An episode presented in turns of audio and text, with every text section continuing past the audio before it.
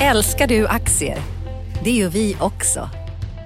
Sea Worldwide Asset Management är en av Nordens största oberoende aktiva aktieförvaltare och har samlad kunskap sedan 1986.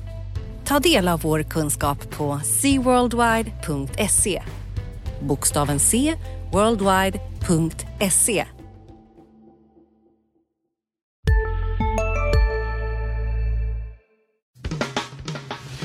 Analyspodden från Dagens Industri. Hej och välkommen till Analyspodden från Dagens Industri. Eh, vi som poddar idag är Johan Wendel, reporter och analytiker på DI och eh, Felicia Åkerman, också reporter och analytiker på DI. Välkommen! Hallå. Tack. Det är den 28 eh, september, fredag, strax före lunch när vi går in och spelar in den här podden. Börsen är ner. Eh, Sverige har inte fått någon regering efter valet än. Eh, men de två har nog inget större samband ska vi erkänna. Vad som har hänt idag då? Precis igår kväll kom ju Boeing och Saab ut med att de har fått den här efterlängtade skolflygplansorden. Den är ju hyfsat stor, 81 miljarder kronor om jag minns rätt, eller hur? Ja, det är en, en jäkla stor order. Framförallt så om eh, jag förstår vår kollega Martin Lindgrens rapportering rapporterande kring det här rätt så är det ju framförallt så att man kan vänta sig att det kommer ytterligare order på det här. Den amerikanska försvarsmakten ska ju uppdatera i princip hela det här programmet och då rör det sig om betydligt fler flygplan. Eh, däremot kan man ju notera att han idag eh, skriver om en analys från Jeffries där de eh, bedömer att, att på kort sikt så kommer det inte bli jättestora finansiella effekter av det här. Det får man vänta på in liksom på mitten av 2020-talet. Men bara det kanske säger någonting om vilken stor affär det är. Det är något som Saab kommer kunna pumpa pengar på långt framöver. Så det är ju en jätte, jättestor affär. Ja, jänkarna lägger ju lite stålar på försvaret kan man ju lugnt säga. eh, om man kollar på börsen så är Saabs aktie upp med dryg, strax över 7% när vi klev in här. Eh, så nu är de faktiskt uppe på eh, högsta nivån sedan eh, förra sommaren, försommaren där, juni. De har ju haft lite strul på börsen med att nå de här marginalmålen de har satt upp. Men sen så har vi Essity backa lite. De annonserar ett sparprogram idag bland annat. Vad händer mer? Ja, eh, på, på makrofronten så är det ju väldigt mycket Italien igen. Eh, igår kväll så kom koalitionsregeringen där överens om en, ett, ja, vad ska man säga, ramverket för ett förslag till en budget som ska läggas fram för EU-kommissionen i mitten av oktober för granskning eftersom Italien är under liksom särskild granskning på grund av att de tidigare har brutit mot budgetregler där. Och eh, man kan väl bara säga att det här var ju liksom en total förlust för de här teknokraterna som skulle hålla populisterna i schack. Eh, finansministern eh, Giovanni Tria tillsattes ju i princip av eh, presidenten i Italien som ville ha någon, ytterligare en person som liksom skulle kunna hålla femstjärnerörelsen och lega lite på mattan.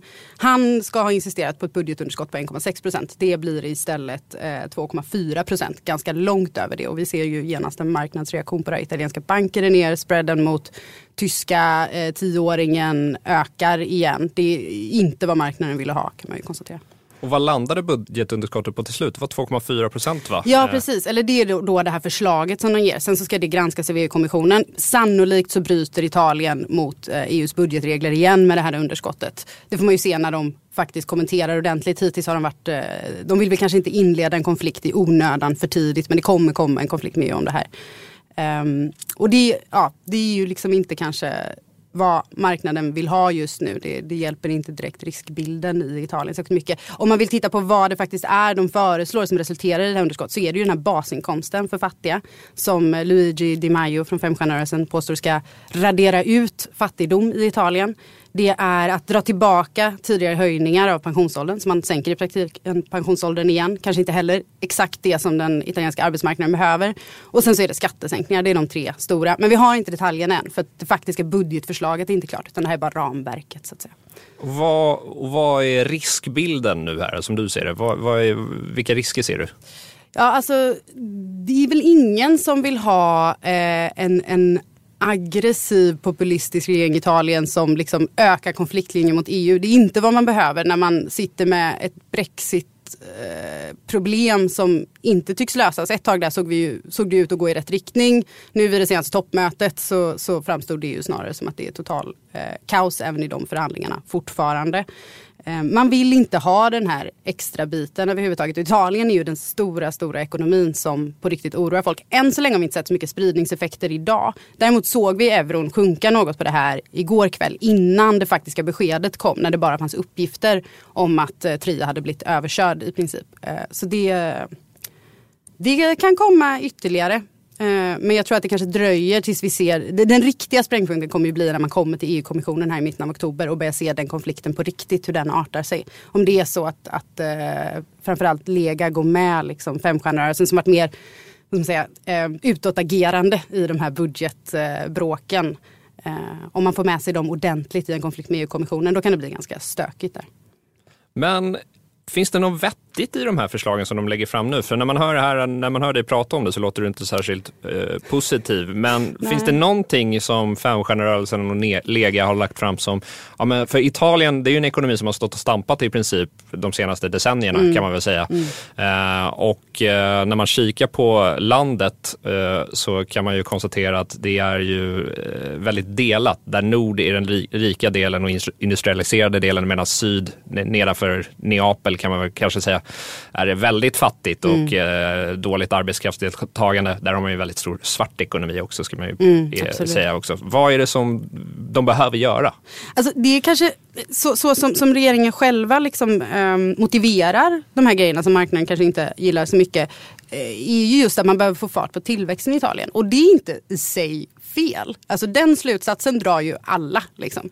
Det är väl det att, att, Italien behöver framförallt strukturreformer. De behöver en mycket bättre fungerande arbetsmarknad. Om, om man skulle så peka på en superviktig grej för att få upp tillväxten där så handlar det just om att göra arbetsmarknaden snabbare, mer flexibel.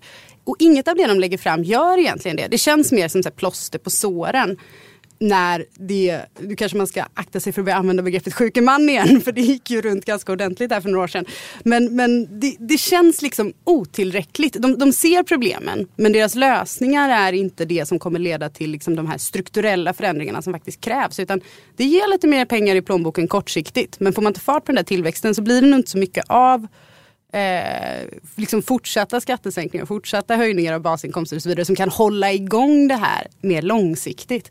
Så det, man kan förstå frustrationen som uttrycks genom de här partierna, absolut. Men jag tror verkligen inte att deras lösningar leder till de strukturella förändringar som Italien behöver. Och sen för att inte tala om faktumet att Italien har en jätte, jättehög statsskuld. Och den är ett reellt problem och det här spär på det problemet. Det kan man inte fly från hur länge som helst.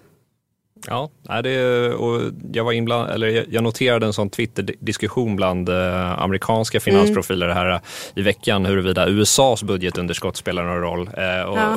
och, och, konsensus där verkar vara att det inte spelar någon roll. Men ja. USA har ju lite annorlunda förutsättningar än Italien. Precis, kan, kan man ju minst och i USA brukar de ändra åsikt om det där ganska ofta faktiskt. Man behöver inte backa bandet så himla många år och så helt plötsligt var, var liksom... Hyperinflationen. Ja, ja, och den statliga eh, skulden var det största problemet USA någonsin hade mött. Så, så här, ja, det svänger lite i USA kring det. Men som du säger, Italien är inte USA faktiskt.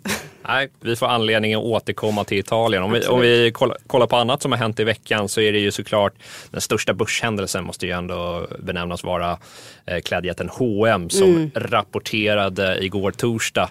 Eh, blev ju en eh, rejäl rusning där på rapporten, var ju upp 11-12 procent aktien. Eh, trots att eh, det kanske man eh, överraskade, eller man slog inte marknadens estimat.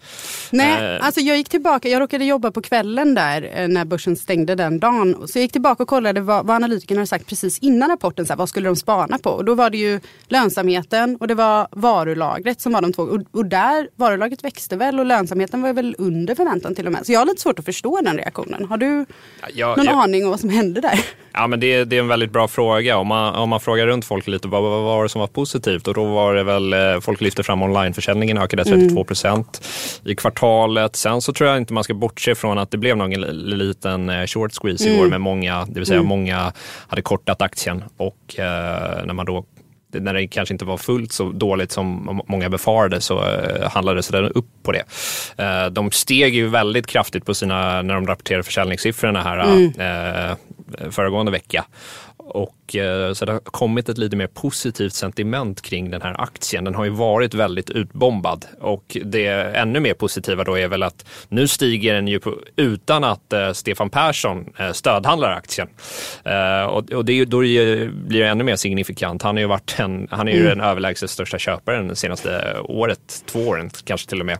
Mm. Medan alla andra har sålt i princip. Plus den här då amerikanska fonden Harris Associates har, har ju varit inne och köpt. De är ju storägare också. Men, eh, nej, men det ska bli väldigt intressant att se var de tar vägen. Eh, det här lagernivån som alla pratar om nådde ju en ny rekordnivå. Det är ju 38,7 miljarder kronor vid utgången av det här tredje kvartalet. Då. Eh, det motsvarar ungefär 18,9 procent av deras omsättning. Det är ju en hel del kläder ja, de, som de behöver skeppa ut. Och det har ju ökat under en lång tid. Mm.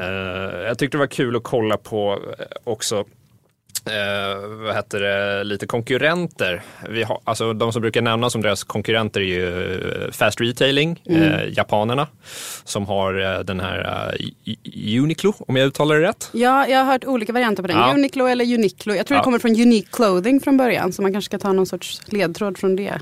Ja, jag, Men de har ju öppnat här nu. Exakt, de finns ju i Stockholm här nu och den, den aktien går ju väldigt bra. Det är ju, mm. Eh, den är ju upp 75 procent på ett års sikt. Så du har Uniqlo, eller Fast Retailing då i Japan, du har Inditex i Spanien, du har Zalando i Tyskland. Det är ju de eh, konkurrenterna som man brukar ta upp. Uh, och Gap också brukar man väl kanske nämna lite. De går väl inte så bra för? Nej, eller? nej. Det känns som att man bara hör om dem i negativa termer e Exakt, exakt. Men om man kollar i år då, så är ju av de här fyra så är ju H&M näst bäst. Mm. Fast det är inte, kanske inte så mycket att skryta om. Aktien är minus 3 procent här medan Fast Retailing då, som är bäst är plus 29 procent. Lite skillnad där. Ja, och uh, vill man ha en förklaring till de där kursrörelserna så är det bara att kolla. De linjerar ganska väl med analytikernas EPS, alltså vinst per mm. förväntningar hur de har justerats. Eh, så det kan man gå in och kolla på om man vill. Eh, men eh, jag tycker det är intressant där. Rickard Bråse, vår eminenta kollega som brukar skriva om H&M, han skrev en ganska bassig krönika ja, under gårdagen som, och hm aktien fick ju en liten törn efter den publicerats. Jag tycker han har flera poänger det här med att eh, det känns som att många gärna vill att H&M ska gå bra och det har varit, jag full förståelse för. Men eh, när det är liksom P19 på det här räkenskapsåret baserat på analytikerkonsensus P20 på nästa år och det har liksom en kraftigt fallande vinst i bolaget. Det känns inte som en sund värdering enligt mig heller. Så att jag är lite så här, mm, det känns som att det, det skulle inte förvåna om den kanske faller lite i framtiden. Så lite önsketänkande i marknaden nu? Ja, jag, jag tror det, I, i kombination med den här short squeezen som mm, har varit. Mm. Nu ska vi säga så att de publika blankningspositionerna i H&M har ju kommit ner lite från drygt 3% till 2,4% när vi gick in här. Uh, samtidigt finns det ju en dold blankning. Uh, man måste ju bara rapportera in blankning till Finansinspektionen om den överstiger 0,5 procent av aktiekapitalet. Mm. Och aktien är ner lite idag, eller hur? Aktien är lite, 0,8 procent ah, okay. tror jag när vi gick in här. Eh, alltså det är ju ganska normal reaktion ja. efter. Ja. Jag hade nog väntat mig att den skulle vara ner lite mer. Så jag är förvånad över att den inte är ner mer faktiskt. Mm. Men uh, om vi ska vandra vidare från H&M, vi kommer mm. ju komma tillbaka till dem förr eller senare, det gör man alltid.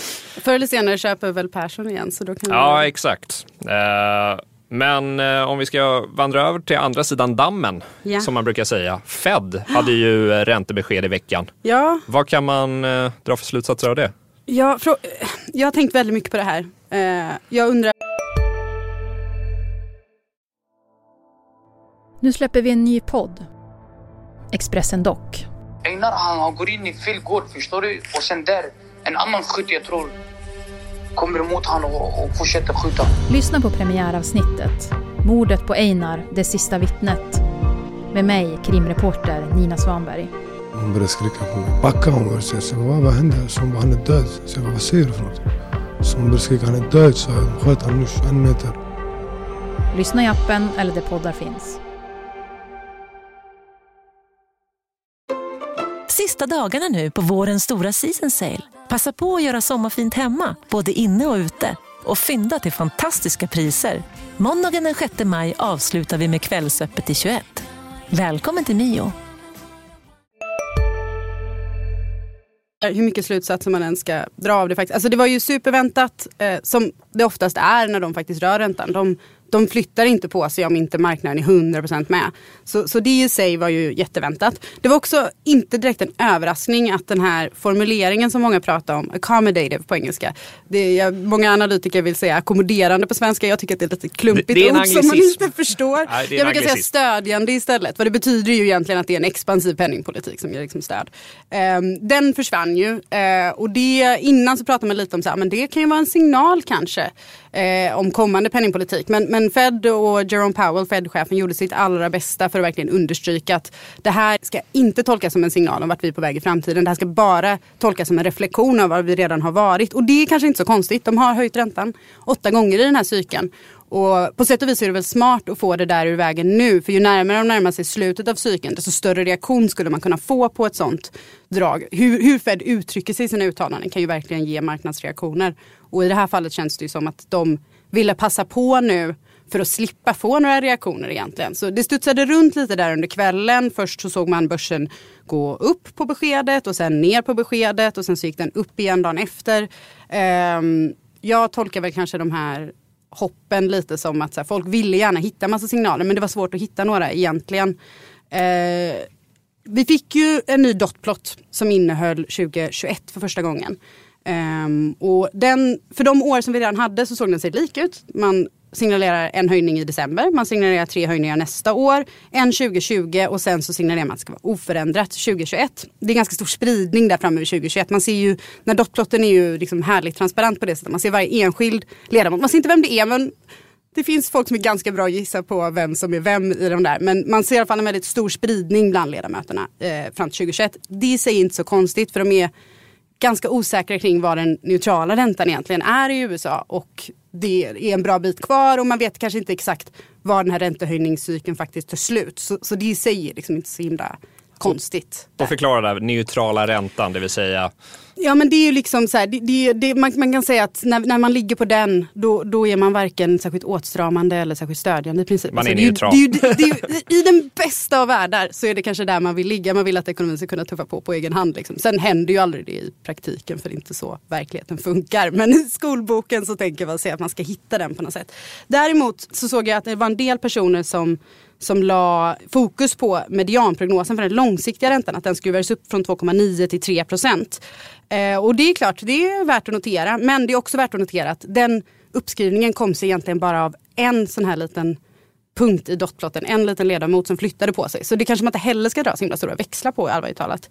Eh, på det stora hela så känns det ganska odramatiskt tycker jag. Jag var lite förvånad över att man fick så pass stora reaktioner på börsen under kvällens gång. Men det kanske säger mer om liksom det allmänna sentimentet i marknaden än vad det gör om, om liksom Fed och deras förmåga att, att kommunicera egentligen.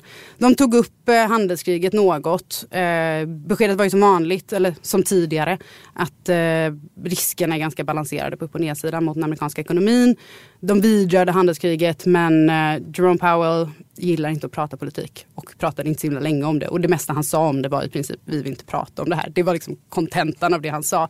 Så, så på det stora hela ganska odramatiskt möte tycker jag. Eh, Hur tycker du han sköter sig, Jay Powell? Som eh, tillträdde då efter Janet Yellen, tidigare Fed-chefen. Ja. Hon var ju väldigt mycket i rampljuset. Antagligen inte av egen vilja ska vi säga. Nej. Det, det, det, är liksom när man hade, det var en väldigt dramatisk tid. Ja, precis. Dels det och hon hamnar ju mycket i rampljuset tack vare eh, den här amerikanska presidenten som gärna liksom ville eh, prata om hur Fed gjorde allt fel och allt var deras fel. Eh, och gärna pekade ut henne specifikt. Nej men jag, alltså egentligen så, jag, jag uppfattar inte att det har varit någon större förändring gentemot henne nödvändigtvis. Det känns som att Fed följer ungefär samma bana. Powell är kanske något mindre benägen att prata om hur liksom, politiska förändringar påverkar den amerikanska ekonomin. Han är något mer försiktig där. Men det är på marginalen. Det, och, och den faktiska räntebanan har liksom inte förändrats så mycket jämfört med när hon satt. Eh, så han sköter sig väl helt okej. Han är lite tråkig kanske. men men det är, jag, ju- man men är det- bortskämd med så färgglada eh, riks, eller vad säger, centralbankschefer ibland. Så det är väl det man hade önskat. En färgstark, kul person. Men Eh. det kanske man inte vill ha egentligen Nej som men exakt, det var det jag tänkte, liksom, det var det jag syftade lite på med frågan kanske. Ja. För det känns som att eh, centralbankshändelserna, det här gäller Fed, det gäller ECB, Riksbanken kanske inte är där riktigt än, men det har blivit lite mer, vad ska man säga, normalt och tråkigt. Mm. Eh, och det är ju sunt egentligen kanske. Det är inte, har inte de här märke, alltså det är klart det är märkeshändelser men det är inte på samma sätt som det var kanske Nej. 2015. Eh, Nej precis, det, vi, vi är ganska långt därifrån känns det som. Man tar det väldigt lugnt och långsamt. Och, i, och som du säger, alltså, egentligen så är det ju det man vill ha. Man vill inte att centralbankerna ska vara så här, drama queens som stökar runt på marknaden för mycket. Men eh, som, som person som jobbar med journalistik är det ganska kul när de är lite mer färgglada såklart. Exakt, de har gått från en e- expansiv eh, ställning till journalistik till en ganska restriktiv eh, Ja. hållning. Centralbank. Centralbankerna. Vi får hoppas det ändras så att vi får något att skriva om. Precis. Om vi ska gå vidare från Fed då och blicka vidare mot nästa vecka. Vad har vi för makrohändelser nästa vecka? Vi har så himla mycket PMI-siffror. Eh, på måndagen så eh, får vi industri-PMI eh, för Sverige och för Norge och för euroområdet. ISM släpper sitt industri-PMI för USA. Ehm, samma dag så får vi också Medlingsinstitutets lönestatistik för juli. Eh, och det kanske låter lite torrt men med tanke på att man ändå fortfarande någonstans diskuterar förutsättningarna för lönebildningen eh, så är de siffrorna väldigt, väldigt intressanta. Inte minst för Riksbanken. Och den som absolut inte kan få nog av det eh, kan dessutom gå på ett seminarium som eh, institutet arrangerar om just förutsättningarna för lönebildningen på tisdagen. Så det kan man ju rekommendera. Sen på onsdagen så får vi eh, tjänste-PMI eh, för Sverige bland annat. Och vi får det här globala tjänste-PMI från JP Morgan som är, eh, kan vara ganska kul att titta på. Eh, För Europas del får vi bara definitiva siffror den dagen. Så det är inte kanske det är jätteroligt sådär. Eh, Och på tisdagen också fordonsstatistiken för september. Och det är intressant för branschen såklart men det är också intressant som en liksom, eh, termometer på humöret hos hushållen. Eh, hur man ser till den typen av stora inköp. Så det kan vara värt att kolla på. Ja, och apropå fordon, nu glömde jag ta upp det, men vi måste ju prata om Elon Musk också. Ja. Eh, så, och SEC, då, amerikanska motsvarigheten till Finansinspektionen, kom igår ut med beskedet att de tänker stämma Elon Musk för det som kallas eh, securities fraud. Ska Mm. vi försöka oss på en svensk översättning så kanske är värdepappersbedrägeri. eller Ja, någonting jo sånt. det är väl en ganska direkt översättning. Ja, och eh, vad det här syftar på helt enkelt är ju då eh, Musks tweet där han skrev att han eh, tänkte ta Tesla bort från börsen och eh, funding secured och att man skulle köpa ut dem på priset 420 dollar. Eh, som ni säkert vet så har ju inte det hänt. Han har backat från de här uttalandena och det är mycket oklart varför han ens skrev det. Och eh, det som är lite spännande med det här eh, SEC var att man fick reda på definitivt varför han tog eh, 420 dollar. Du kanske kan Ja. berätta lite mer där? Ja, vår kollega Viktor Möllne satt och, och tragglade igenom den där stämningsansökan i morse och det visade sig då att han tänkte ja men en premie på 20% det är väl standard och då hamnade han på 419 och sen bestämde han sig för att runda upp en dollar för att han, jag får med att det direkta citatet var att han nyligen hade lärt sig vad siffran betyder inom Marianerkulturen och därför tyckte att hans flickvän då skulle tycka att det var jättekul om han satte det till 420 dollar. Eh, det var faktiskt min första tanke när den där tweeten kom. Att det här måste ju vara ett konstigt skämt baserat på en ordvits. Eller ja, en siffervits blir det väl. Eh, så det säger någonting om hur eh, galen hela den där grejen har varit. faktiskt. Att ja, det faktiskt var så. Att han hamnade på den siffran på grund av liksom ett weed-skämt. Ja, man, man undrar lite vad han eh, tänker ibland där. Om, om vi då har fast den här siffran 420 dollar, att utköpet skulle ske där. Igår stängde ju Tesla-aktien på strax över 307 dollar. Den backade ju kraftigt i efterhanden på det här beskedet. Eh, Så det blir spännande att se vad Tesla tar vägen framöver. Alltså en som har varit kort länge är ju legendaren Jim Chanos, eh, känd investerare och blankare, bland annat förutsåg Enrons kollaps där. Han var ju skeptisk mot dem länge. Eh, Men eh, i alla fall, eh, Chanos har ju länge haft åsikten att Musk kommer att lämna Tesla och bli liksom non-executive chairman, det vill säga icke arbetande styrelseordförande och istället gå vidare till SpaceX som är hans rymdprojekt. Och det här skulle väl kanske kunna vara en sån liksom, ursäkt att kliva ner från vd-posten och lämna över till någon annan. Men vi får se, det, det har ju inte kommit något än. Du har ju varit inne på det tidigare att det kanske skulle vara ganska bra för Tesla att han åtminstone bara har en av de här två stolarna och inte båda som han sitter på just nu. Att det kanske Ja. är vad som behövs. Absolut. Det jag är lite orolig för är att han är en sån person som, han vill vara med, då kör han 100 procent. Mer än 100 procent. Eh, får han inte vara med och leka, då, då, eh, då vill han inte vara med alls. Liksom. Det är det jag är lite orolig för. Jag såg i alla fall att styrelsen verkar backa upp honom i nuläget åtminstone. Det kom något telegram där på Bloomberg-terminalen precis innan vi gick in. Ja, härligt. De verkar ha full koll på sina uppgifter, styrelsen kan man ju säga. Eh, Vad mer händer nästa vecka då? Ja, men nästa vecka. Vi hade klädjätten H&M den här veckan som rapporterade. Nästa Mm. vecka får vi den lite mindre, eller ganska mycket mindre, eh, klä- klädhandlaren eh, MQ kommer ju med en rapport. Mm. Det har ju varit eh, vd-byten där, de har vinstvarnat i augusti. Aktien följer kraftigt på den vinstvarningen. Sen studsar den ju upp igen ordentligt på en Mm. mm. köprek från eh, affärsvärlden. Så att nu är den ju mer eller mindre flat sen eh, mars i år. har gått sidled- sidledes. Så det blir spännande att se vad de säger. De är ju en väldigt bra indikator på hur klädhandeln i Sverige går såklart. Eh, men, och, inte minst då för folk som äger investmentbolaget Öresund så är det ju intressant eftersom de är storägare i Öresund. Så vi, får väl se. Jag är inte överdrivet positiv eh, ska det sägas. Men det, det, om man tittar på Eh, det här täcker ju delvis sommaren då, den här rapporten. Så alla, alltså det känns som att man hittar ett eller annat sätt att skylla på vädret så att säga. Det är ju väldigt praktiskt att kunna göra det. Nu var det ju i och för sig också ganska extremväder. Jag snackade med några analytiker i veckan om just de vinstvarningar som har kommit. Det har ju varit från primärt detaljhandeln och klädhandlare. Zalando vinstvarnar ju också bland annat. Eh, det är klart att så här, när det har varit så varmt som det var så är det ju kanske inte så konstigt. Å andra sidan har man blivit så van vid att höra klädbolagen skylla på vädret att det är lite som att man har svårt att ta det på allvar. Eller jag har personligen lite svårt att ta det på allvar av det skälet. Det känns som att de alltid har problem med vädret. Ja, och det kan skifta lite. Om det är bra väder så Ja, är det precis. ibland bra och ibland kan det vara dåligt eh, och Exakt. vice versa. Men det är sällan de håller fram vädret som en positiv grej. Det är alltid en negativ grej. Nej men exakt, exakt. Det, det är aldrig, nu gick försäljningen väldigt bra tack Ja. vare det strålande solskenet. Precis. Vi eh, har ju en eh, liten ny eh, grej som man kan kolla in hos oss, eller hur Felicia? Ja, vi har en eh, ny podd i vårt utbud. Det är podden Morgonkoll som kommer eh, strax efter klockan sju varje vardag. Ska vara 6-7 minuter lång. Lagom till att lyssna på tunnelbanan eller i bilen på väg till jobbet. Och då går man igenom eh, nattens och morgonens viktigaste nyheter. Så det är ett sätt, om man inte vill liksom sitta och titta på tv-sändningar på morgonen för att man till exempel sitter i bilen så kan det ju vara rätt skönt att bara lyssna på en podd istället. Det brukar jag göra i alla fall. Ja, men jag är, jag är likadan faktiskt. Det är skönt att ha något i lurarna Mm. på morgonen. Eh, så att det är bara att slå på den här podden och lyssna tycker jag. Men eh, med det sagt så ska vi väl tacka för oss och önska en trevlig helg här, eller hur? Absolut. På återseende. Tack för att ni lyssnade. Hej då! Analyspodden från Dagens Industri. Programmet redigerades av Umami Produktion. Ansvarig utgivare Peter Fellman.